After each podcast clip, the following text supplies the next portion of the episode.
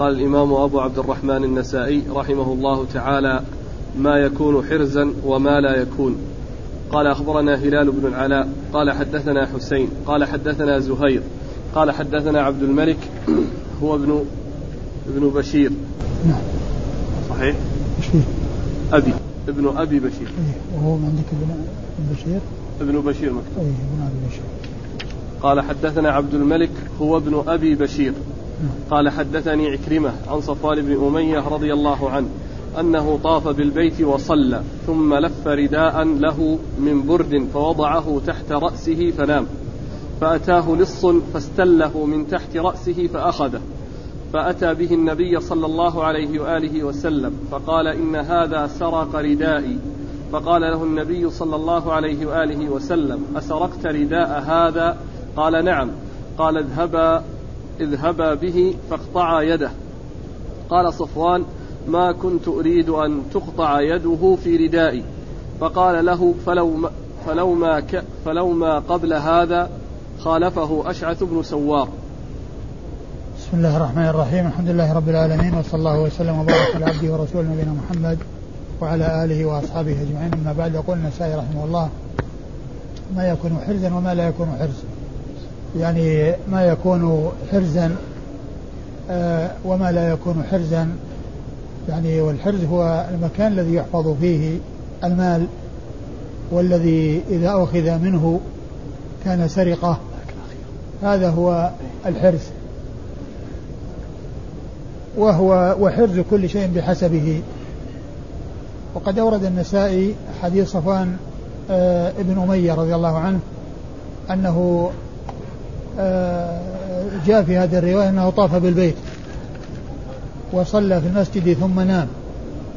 لكن جاء في الروايات أنه في المسجد أو مسجد الرسول صلى الله عليه وسلم مقيدا بأنه مسجد الرسول عليه الصلاة والسلام.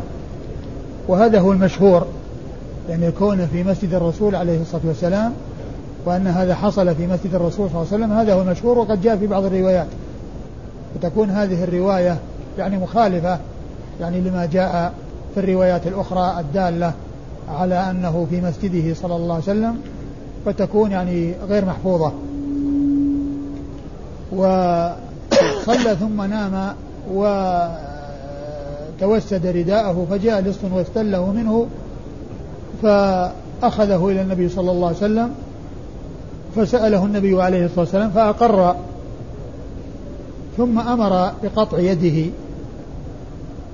ولما رأى صفوان أن اليد ستقطع بسبب سرقته هذا الرداء قال ما كنت أظن أنه تقطع يده في سبب في ردائي يعني بسبب ردائي. قال عليه الصلاة والسلام فهلا كان قبل أن تأتيني به؟ إيش اللفظة فقال له فلو ما قبل هذا. فلو ما يعني فلو ما كان قد حصل قبل هذا فعلت نفع.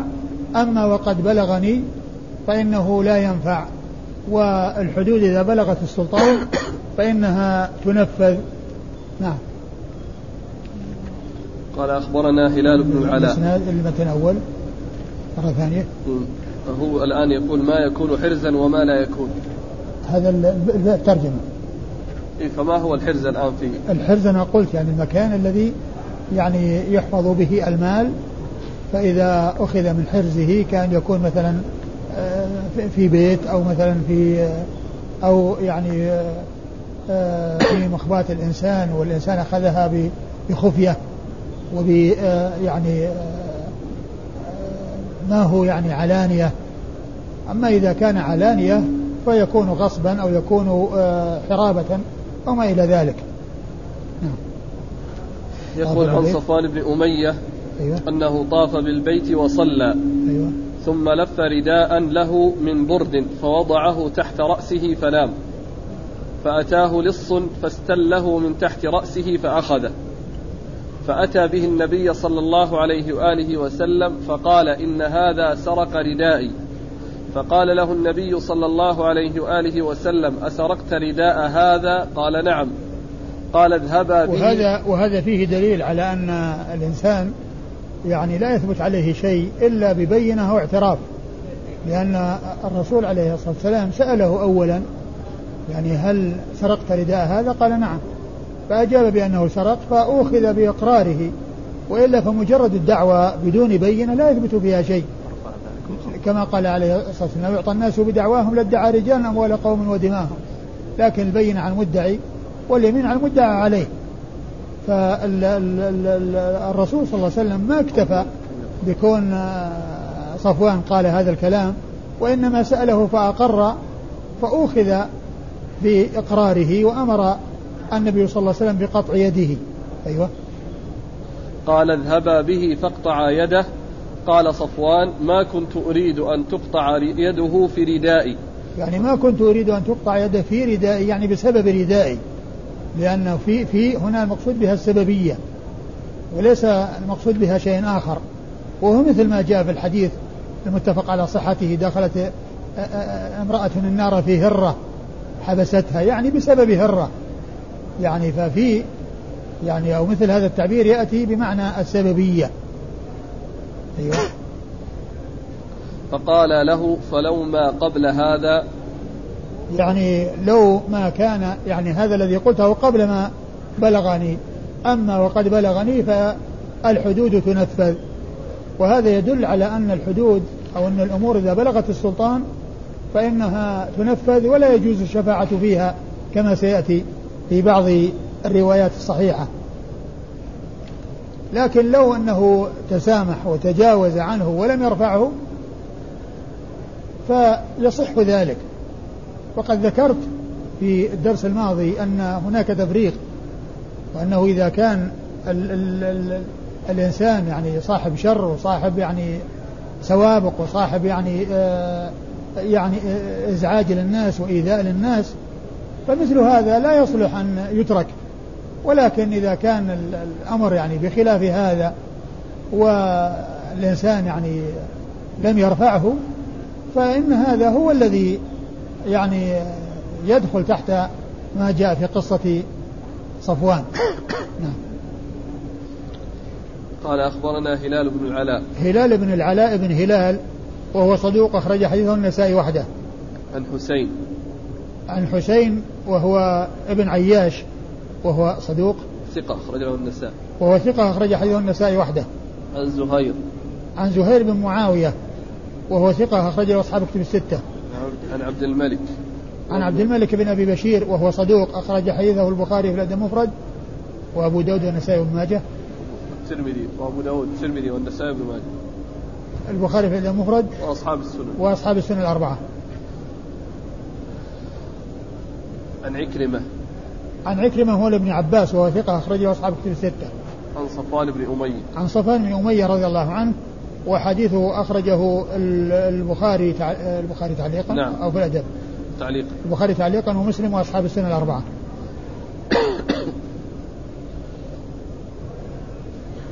الشاهد للباب. الشاهد للباب أنه يعني في حرز. لأن هذا حرز يعني كونه يعني متوسده وكونه يعني حافظه هذا استله استلال. لأن لو جاء وأخذه منه أو غصبه إياه ما يكون سرقة. لكن كونه يعني استله بخفية مثل ما لو أنه يعني جاء وأخذ من مخباته بشيء بخفية فهذا استله بخفية. نعم فهو حرز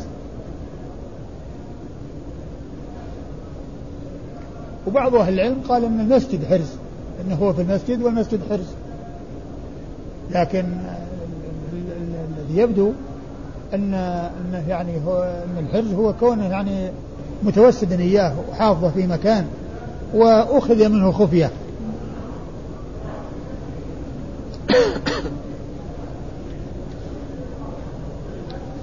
قال أخبرنا محمد بن هشام يعني ابن أبي خيارة. قال حدثنا الفضل يعني ابن العلاء الكوفي. قال حدثنا أشعث عن عكرمة عن ابن عباس رضي الله عنهما أنه قال كان صفوان نائما في المسجد ورداؤه تحته فسرق.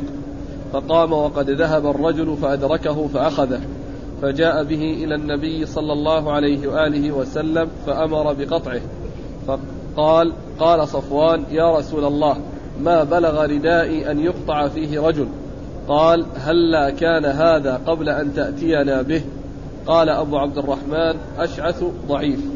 ثم ورد النسائي الحديث من طريق أخرى وهو مثل ما تقدم يعني دال على ما دل عليه الذي قبله في قصة صفوان بن أمية رضي الله عنه وسرقة ردائه من تحت رأسه وهو نائم في المسجد. الإسناد؟ قال أخبرنا محمد بن هشام. محمد بن هشام آه ابن خيرة. ابن أبي خيرة. ابن أبي خيرة وهو ثقة أخرج أبو داود النسائي. وهو ثقة أخرج حديث أبو داود النسائي. عن الفضل يعني ابن العلاء الكوفي. عن, عن الفضل يعني من العلاء وهو صدوق, صدوق. له أوهام. صدوق له أوهام أخرج حديثه. البخاري والنسائي. أخرج حديث البخاري والنسائي. عن أشعث. عن أشعث بن سوار وهو ضعيف. أخرج حديثه أبو داود النسائي البخاري في الأدب المفرد ومسلم والترمذي والنسائي وابن ماجه. البخاري في الأدب المفرد ومسلم والترمذي والنسائي. وابن ماجه. وابن ماجه. اي اي نعم. عن عكرمة عن ابن عباس. عن عكرمة عن ابن عباس وقد مر ذكرهما. ابن عباس. عن عن عكرمة ذاك عن صفوان نعم. عن ابن عباس رضي الله تعالى عنهما وهو عبد الله بن عباس بن عبد المطلب ابن عم النبي صلى الله عليه وسلم وأحد العبادلة الأربعة من الصحابة وأحد السبعة المعروفين بكثرة الحديث عن النبي صلى الله عليه وسلم. أيوه. قال أخبرنا أحمد بن عثمان بن حكيم قال حدثنا عمرو عن أسباط عن سماك عن حميد بن أخت صفوان عن صفوان بن أمية رضي الله عنه أنه قال كنت نائما في المسجد على خميصة لي ثمنها ثلاثون درهما فجاء رجل فاختلسها مني فأخذ الرجل فأتي به النبي صلى الله عليه وآله وسلم فأمر به ليقطع فأتيته فقلت أتقطعه من أجل ثلاثين درهما؟ أنا أبيعه وأنسئه ثمنها وأنسئه ثمنها. ثمنها. وأنسئه ثمنها. قال فهلا كان هذا قبل أن تأتيني به؟ ثم ورد النسائي حديث صفوان بن أمية وهو مثل الذي قبله إلا أن فيه ذكر آه، آه، الرداء وثمن الرداء وأنه ثلاثون درهما وفيه أنه أيضا قال أنني آه، أبيعه إياه أنسئه حتى يكون ملكا له يعني. يعني بذلك حتى يكون ملكا له ويسلم بذلك من قطع اليد. فالرسول صلى الله عليه وسلم قال هلا كان ذلك قبل أن تأتيني به؟ يعني هلا تجاوزت عنه وهلا عفوت عنه قبل أن تأتيني به؟ يعني أنه لما بلغني فإنه لا بد من التنفيذ لا بد من تنفيذ الحد. والحديث مثل الذي قبله دال على ما دل عليه الذي قبله من جهة القصة إلا أن فيه يعني آآ آآ هذه الزيادات التي ما جاءت في غيره من الروايات وهي ذكر الثلاثين ثلاثين درهما. وإلا فالقصة ثابتة والحديث يعني ثابت. وإن كان فيه يعني هذا الانفراد أو هذا التفرد في قضية الثلاثين. والألباني ضعف الحديث ولعله بسبب يعني ما فيه من من النكارة. والإسناد. قال أخبرنا أحمد بن عثمان بن حكيم. أحمد بن عثمان بن حكيم صدوق. ثقة أخرج له البخاري ومسلم والنسائي بن ماجه. ثقة أخرج هذا البخاري ومسلم والنسائي وابن ماجه. عن عمرو. عن عمرو وهو بن حماد. نعم. وهو صدوق أخرج له البخاري في الأدب المفرد ومسلم وأبو داود والنسائي بن ماجه في التفسير. صدوق أخرج حديث البخاري في الأدب المفرد ومسلم وأبو داود والنسائي وابن ماجه في التفسير. عن أسباط. عن أسباط بن نصر وهو صدوق صدوق كثير الخطأ. أخرج حديثه البخاري تعليقا ومسلم وأصحاب السنن. نعم. البخاري تعليقا ومسلم وأصحاب السنن الأربعة. عن سماك. عن سماك بن حرب وهو صدوق أخرج حديث البخاري تعليقا ومسلم وأصحاب السنن. عن حميد بن أخت صفوان. عن حميد بن أخت صفوان وهو ضعيف. مقبول. وهو مقبول. نعم. أخرج حديثه أبو داود والنسائي. أخرج حديثه أبو داود والنسائي. عن صفوان بن أمية. عن صفوان بن أمية رضي الله عنه وقد مر ذكره. يعني فيكون الحديث فيه آه، أسباط بن نصر الذي يخطئ كثيرا وهذا الذي هو آه، حميد بن حجير هو حميد بن حجير ابن أخت آه، ابن أخت صفوان وهو مقبول. أخرج حديثه أبو داود والنسائي. فيكون يعني آه هذا الذي جاء في الحديث من هذه اللفظ المخالف للأحاديث الأخرى يعني يمكن أن يكون عن طريق آه عن طريقهما أو أو أحدهما. قال أخبرنا محمد بن عبد الله بن عبد الرحيم قال حدثنا أسد بن موسى قال حدثنا وذكر حماد بن سلمة عن عمرو بن دينار عن طاووس عن صفوان بن أمية رضي الله عنه أنه سرقت خميصته من تحت رأسه وهو نائم في مسجد النبي صلى الله عليه وآله وسلم. فأخذ اللص فجاء به إلى النبي صلى الله عليه وآله وسلم فأمر بقطعه فقال صفوان أتقطعه قال فهلا قبل أن تأتيني به هل فهلا قبل أن تأتيني به تركته.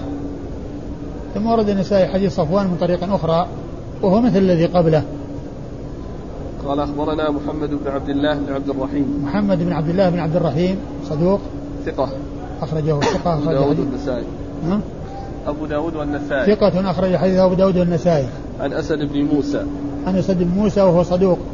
أخرج حديثه البخاري في الأدب المفرد. البخاري تعليقا البخاري تعليقا وأبو داود والنسائي. البخاري تعليقا وأبو داود والنسائي. عن حماد بن سلمة. عن حماد بن سلمة وهو ثقة أخرج حديث البخاري تعليقا ومسلم وأصحاب السنن. عن عمرو بن دينار. عن عمرو بن دينار المكي وهو ثقة أخرج له أصحاب كتب الستة. عن طاووس. عن طاووس بن كيسان وهو ثقة أخرج له أصحاب كتب الستة. عن صفوان بن عن صفوان بن أمية وقد مر ذكره. أي الروايتين أثبت؟ الحديث الأول اللي مر معنا طاف بالبيت وصلى. وهنا نائم في مسجد النبي صلى الله عليه وسلم. هو أكثر الأحاديث ذكر المسجد. ومن المعلوم أن أكثر بقاء الرسول صلى الله عليه وسلم إنما هو في المدينة. و هذه الأخيرة هذه؟ هذه الأخيرة؟ في طاف لا الأولى أول ما مر لا لا هذه هذه في مسجد النبي صلى الله عليه وسلم. أيوه وش والإسناد وش هو؟ هذا اللي ذكرناه؟ وحيه محمد بن عبد الله بن عبد الرحيم. أيوه. عن أسد بن موسى عن حماد بن سلمة عن عمرو بن دينار عن طاووس عن صفوان. وذاك وذاك منه الرجال؟ هلال بن العلاء عن حسين عن زهير عن عبد الملك بن أبي بشير عن حكرمة عن صفوان. يعني يبدو أن يعني هذا في عمرو بن دينار وفي حماد بن سلمة وفيه طاووس. طاووس وفيه أسد, أسد بن موسى, موسى. وفيه هذا اللي هو محمد, محمد بن عبد الله بن عبد الرحيم. يعني يعني هذا يعني هؤلاء الرواة يعني هؤلاء محتج بهم وأولئك محتج بهم.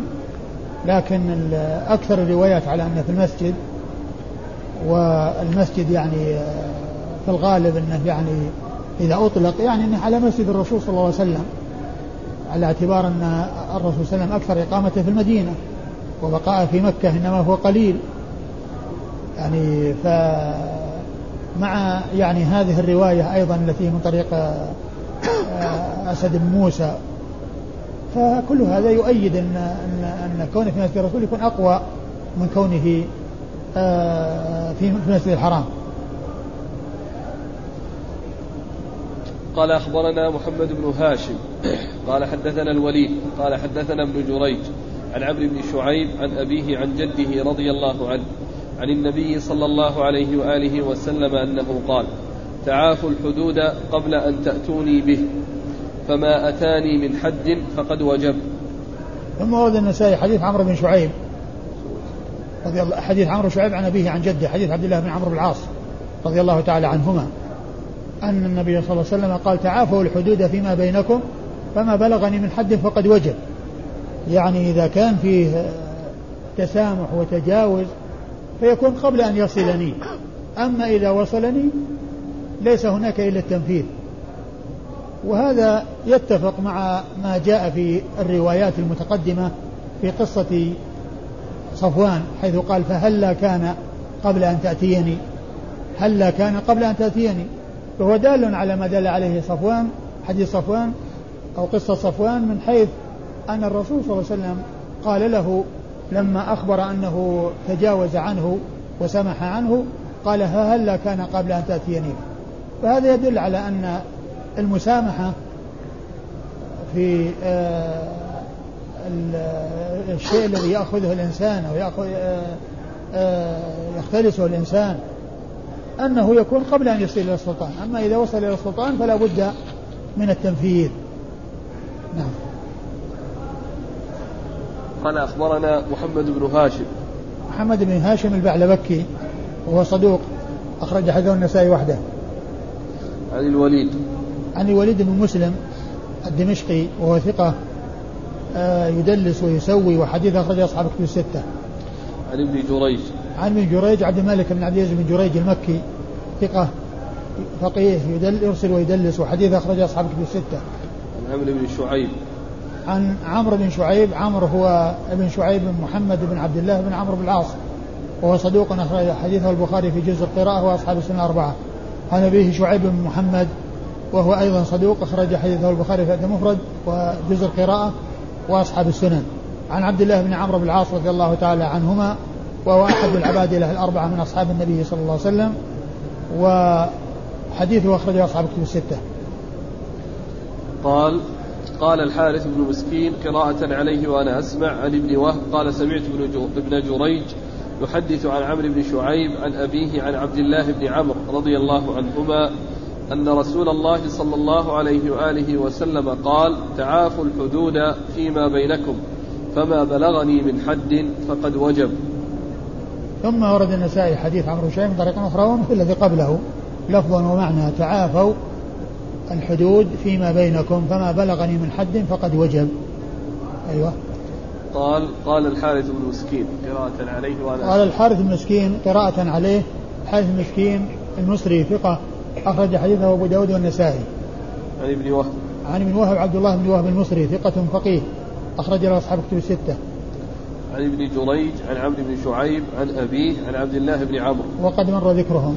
قال أخبر وفيه التنصيص على أن الجد هو عبد الله بن عمرو. وليس محمد بن عبد الله. نعم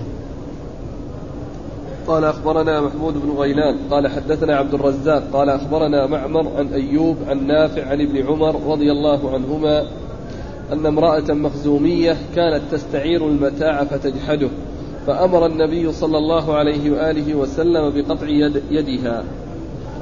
ثم ورد النسائي حديث الحديث من هو؟ عبد الله بن عمر. حديث عبد الله بن عمر بن الخطاب رضي الله تعالى عنهما أن امرأة مخزومية كانت تستعير المتاع فتجحده فأمر النبي صلى الله عليه وسلم بقطع يدها. وهذا هو الذي يكون فيه بغير الذي ليس فيه حرز لأنه يتعلق ب يعني بأخذ شيء وجحده أخذ شيء وجحده. لكن جاء في بعض الروايات ذكر السرقة. وجاء في بعض الروايات أيضا آه، أنه لما طلبوا من أسامة بن زيد أن يشفع فيها قال عليه الصلاة والسلام لو أن فاطمة بنت محمد سرقت لقطعت يدها. و يعني على هذا يعني يكون يعني وجد منها هذا وهذا. يعني وجد منها السرقة ووجد منها أخذ المتاع واستعارة المتاع ثم جحده. واستعارة المتاع وجحده لا يقال له حرز. وقد ذهب جمهور أهل العلم على أن جهد العارية لا ليس سرقة وأنه لا تقطع به تقطع به اليد. وذهب بعض العلماء إلى أنها تقطع به اليد. لكن حيث جاء في بعض الروايات ذكر السرقة وأنها سرقت وجاء في بعضها أيضا أنها في آخر الحديث لو أن فاطمة بنت محمد سرقت لقطعت يدها دل على أن هناك سرقة. فيكون قطع يد المخزومية لكونه وجد منها هذا وهذا وجد منها هذا وهذا الذي هو السرقة وجحد العارية التي كانت تأتي وتكذب على جارات لها تقول إنهن أرسلنها من أجل الاستعارة فتأخذه وتجحده. نعم. قال أخبرنا محمود بن غيلان. محمود بن غيلان المروزي ثقة أخرج حديث أصحاب الكتب الستة إلا أبا داود. عن عبد الرزاق. عن عبد الرزاق بن همام الصنعاني اليماني ثقة أخرج له أصحاب الكتب الستة. عن معمر. عن معمر بن راشد. الأزدي البصري ثم اليماني وهو ثقة أخرج له أصحاب الكتب الستة. عن أيوب. عن أيوب بن أبي تميم السختياني ثقة أخرج له أصحاب الكتب الستة. عن نافع. عن نافع مولى بن عمر وهو ثقة أخرج له أصحاب الكتب الستة. عن عبد الله بن عمر بن الخطاب رضي الله تعالى عنهما آه، أحد العبادلة الأربعة من أصحاب النبي صلى الله عليه وسلم وأحد السبعة المعروفين بكثرة الحديث عن النبي صلى الله عليه وسلم. قال أخبرنا إسحاق بن إبراهيم قال أخبرنا عبد الرزاق قال أخبرنا معمر عن أيوب عن نافع عن ابن عمر رضي الله عنهما أنه قال كانت امرأة مخزومية تستعير متاعا على ألسنة جاراتها وتجحده فأمر رسول الله صلى الله عليه وآله وسلم بقطع يدها. ثم ورد النسائي حديث ابن عمر من طريق أخرى وهو مثل ما تقدم آه، في قصة المخزومية. نعم. إيش؟ ألسنة يعني يعني ما تقول إن فلانة تقول أعيريني كذا يعني تدعي يعني تقول على لسانها أن فلانة أرسلتني تريد منك عارية كذا وكذا فتعطيها إياه وهي كاذبة ثم تذهب به وتجحده. يعني فعندها يعني آه، كذب وجحد. قال أخبرنا إسحاق بن إبراهيم إسحاق بن إبراهيم بن راهوية بن مخلد الحنظلي المروزي ثقة فقيه وصف بأنه أمير المؤمنين في الحديث وحديث أخرج أصحاب الكتب الستة إلا ابن ماجه. عن عبد الرزاق عن معمر عن أيوب عن نافع عن ابن عمر. وقد مر ذكرهم جميعا.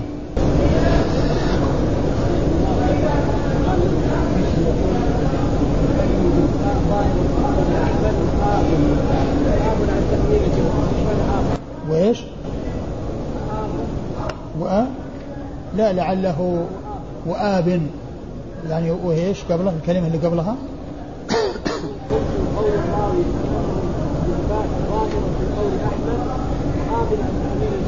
آب يعني آه، يأبى يأبى تأويل الجمهور. يعني لا يقبل تأويل الجمهور. لكن آه، في بعض الروايات اللي جاء فيها ذكر السرقة يعني يدل على أن في هذا وفي هذا. قال أخبرنا عثمان بن عبد بن عبد الله. قال نعم. قال حدثنا الحسن بن حماد قال حدثنا عمرو بن هاشم الجنبي أبو مالك عن عبيد الله بن عمر عن نافع عن ابن عمر رضي الله عنهما أن امرأة كانت تستعير الحلي للناس ثم تمسكه. فقال رسول الله صلى الله عليه وآله وسلم لتتب هذه المرأة إلى الله ورسوله وترد ما تأخذ على القوم. ثم قال رسول الله صلى الله عليه وآله وسلم قم يا بلال فخذ بيدها فاقطعها. ثم ورد النسائي حديث المخزومية من طريق أخرى وهو مثل الذي قبله إلا أن فيه ذكر التوبة يعني إلى الله ورسوله يعني كونها تتوب إلى الله عز وجل وتأتي للرسول صلى الله عليه وسلم وتعلن توبتها وترد يعني ما كان عندها للناس ثم أمر بقطع يدها. ثم أمر بقطع يدها. ومعلوم أن يعني ال ال رد المسروق أو المجحود هذا أمر مطلوب وأنه متعين. يعني المسروق يسترجع ويؤخذ من السارق أو المستعير الجاحد ويرد إلى صاحبه. وأما قضية التوبة فمن المعلوم أن الحدود كفارات ولو لم توجد التوبة. لكن إذا وجدت التوبة وحصل الندم فلا شك أن هذا ينفع. وإلا فإن الحدود كفارات كما جاء في الأحاديث الصحيحة عن رسول الله صلى الله عليه وسلم وأن الإنسان إذا عوقب في الدنيا في إقامة حد عليه فإنه لا يؤاخذ عليه في الآخرة بل يكون كفارة لهذا الذنب الذي أخذ عليه بالعقوبة في الدنيا. كما جاء في الحديث فمن آه، فعل شيئا من ذلك فأقيم عليه الحد كان كفارة له وإلا كان أمره إلى الله عز وجل. إن شاء عذبه وإن شاء عفى عنه. فدل على أن الحد إذا أقيم فإنه يكون كفارة. وهذا مذهب أهل السنة والجماعة. بخلاف يعني ولو لم يتب. أما مع التوبة فلا شك أن التوبة أن باب التوبة مفتوح. لكن آه، الخوارج يقولون الحدود هي زواجر فقط وليست جوابر. هي زواجر هي للزجر ولا تجبر. وأنه لا بد من التوبة حتى لا يؤاخذ على الذنب في الآخرة. وأما إذا أقيم عليه الحد في الدنيا ولم يتوب فإنه يؤاخذ عليه في الآخرة. فإنه يؤاخذ عليه في الآخرة. لكن حديث الرسول صلى الله عليه وسلم حديث آه، آه، عبادة بن الصامت رضي الله عنه المشهور فيه أن الحدود كفارات وهي زواجر في نفس الأمر. يعني لأن كونها زواجر هذا كلام صحيح لكن الباطل كونها ليست بكفارات. أما إذا قيل هي جوابر وزواجر فهذا هو الصحيح لأنها تجبر النقص من حيث أن الذنب الذي حصل انجبر بهذا الحد وتزجر الإنسان لا يعود وتزجر غيره أيضا أن لا يقع في هذا الذي وقع فيه هذا الشخص الذي جنى وعوقب بهذه العقوبة وأقيم عليه هذا الحد. فذكر التوبة آه، كما هو معلوم آه، لا شك أنه آه، إذا وجد يعني ينفع لكن لو لم توجد التوبة وأقيم الحد فإنه لا يؤاخذ على الذنب في الآخرة. لكنه إذا بقي مصرا على يعني ذلك وعمل الأعمال التي آه توصل إلى الأمر المحرم فهو آثم على ذلك ويؤاخذ على ذلك سواء يعني آه، علم به فيما بعد وأقيم عليه الحد أو لم يعلم. لكن الحدود هي كفارة للشيء الذي قد حصل بسبب الذنب الذي أقيم عليه الحد. قال أخبرنا عثمان بن عبد الله. حماد أخبرنا؟ عثمان. عثمان بن عبد الله بن خرزاد وهو ثقة نعم. أخرج له النسائي. ثقة أخرج حديثه النسائي وحده. عن الحسن بن حماد. عن الحسن بن حماد وهو صدوق. أخرج له أبو داود والنسائي وابن ماجه. صدوق أخرج حديثه أبو داود والنسائي وابن ماجه. عن عمرو بن هاشم الجنبي أبو مالك. عن عمرو بن هاشم الجنبي أبو مالك وهو لين الحديث. وهو لين الحديث أخرج حديثه أبو داود والنسائي. أبو داود والنسائي. عن عبيد الله بن عمر. عن عبيد الله ابن عمر العمري وهو ثقة أخرج حديث أصحاب كتب الستة. عن نافع عن نافع مولى عن نافع عن ابن عمر وقد مر ذكرهما. والحديث في إسناده هذا الذي هو لين الحديث لكن القصة هي ثابتة وإنما الذي يعني فيه يعني الشيء الذي فيه يعني تفرد به ذكر التوبة. ويعني وأما قضية إرجاع ما كانت تأخذ هذا أمر لا بد منه. لأن حقوق الناس ترجع للناس وهذا حق الناس. وأما إقامة الحد فهو حق الله عز وجل وليس حق الناس. نعم. ها؟ خذ هذا ملامسة؟ لا ليس بلازم أن يكون ملامسة لأنه يأخذ بيدها معناه أنه يذهب بها. يذهب بها مو لازم أنه يمسك يدها. قال ويمكن يؤخذ بيدها يعني يكون فيه رباط أو شيء يعني يمسكه. ويقودها به مو لازم أنه يعني يمسكها مباشرة.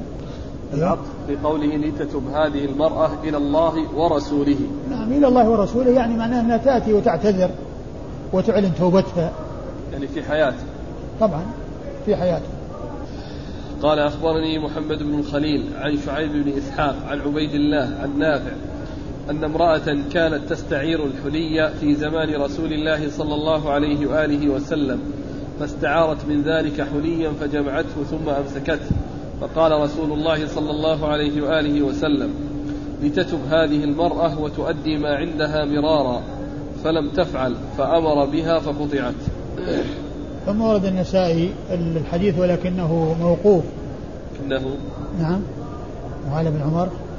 لا لكنه مرسل. وش يقول؟ عن نافع. عن نافع عن أن امرأة ما في ذكر عبد الله بن عمر؟ ها؟ نعم مرسل. يعني عن نافع يعني ويحكي القصة. ونافع كما هو معلوم يعني تابعي. لكنه يعني يروي عن الصحابة. وقد روى الحديث عن ابن عمر كما تقدم. نعم. أيوة. أن أن امرأة كانت تستعير الحلي في زمان رسول الله صلى الله عليه وآله وسلم فاستعارت من ذلك حليا فجمعته ثم أمسكته. فقال رسول الله صلى الله عليه وآله وسلم لتتب هذه المرأة وتؤدي ما عندها مرارا. فلم تفعل فأمر بها فقطعت.